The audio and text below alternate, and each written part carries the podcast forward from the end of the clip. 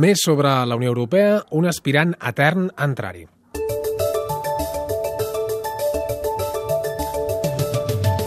Les negociacions d'adhesió amb Turquia s'han desbloquejat, es reprendran d'aquí dues setmanes després de tres anys de paràlisi. Sempre hi ha hagut obstacles, però la repressió del govern de Recep Tayyip Erdogan contra les manifestacions del mes de juny a Istanbul van enrarir encara més l'ambient. Saludem a Istanbul a Maria Alba Gilabert. Maria Alba, molt bona tarda. Bona tarda. La manera com es van reprimir aquelles protestes va fer que s'ajornés la represa de les negociacions. A què es deu que ara s'hagi aixecat el càstig?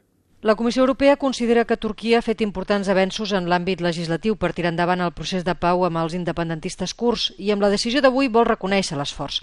Però no tothom aquí pensa que això és merescut. Per exemple, les organitzacions com GES i Partici, que van participar en les protestes de juny i que segueixen sent molt crítiques amb el govern.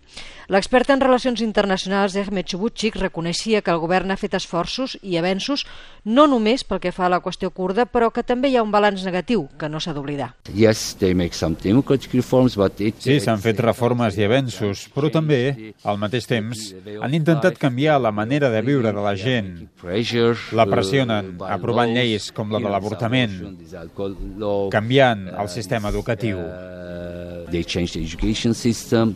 En general, l'anunci d'avui es considera una bona notícia, encara que, com ens deia Chubutxik, els turcs tenen molt clar que això és només un pas molt tímid, que queda un llarg i difícil recorregut per davant. Entre les qüestions conflictives, per exemple, hi ha el tema del reconeixement de la República de Xipre per part de Turquia. Però de moment, per anar avançant feina, les negociacions amb la Unió es centraran en la política regional, que tot i ser figues d'un altre paner, no són tampoc una qüestió menor. Maria Alba, gràcies. Bona tarda. Adéu, bona tarda.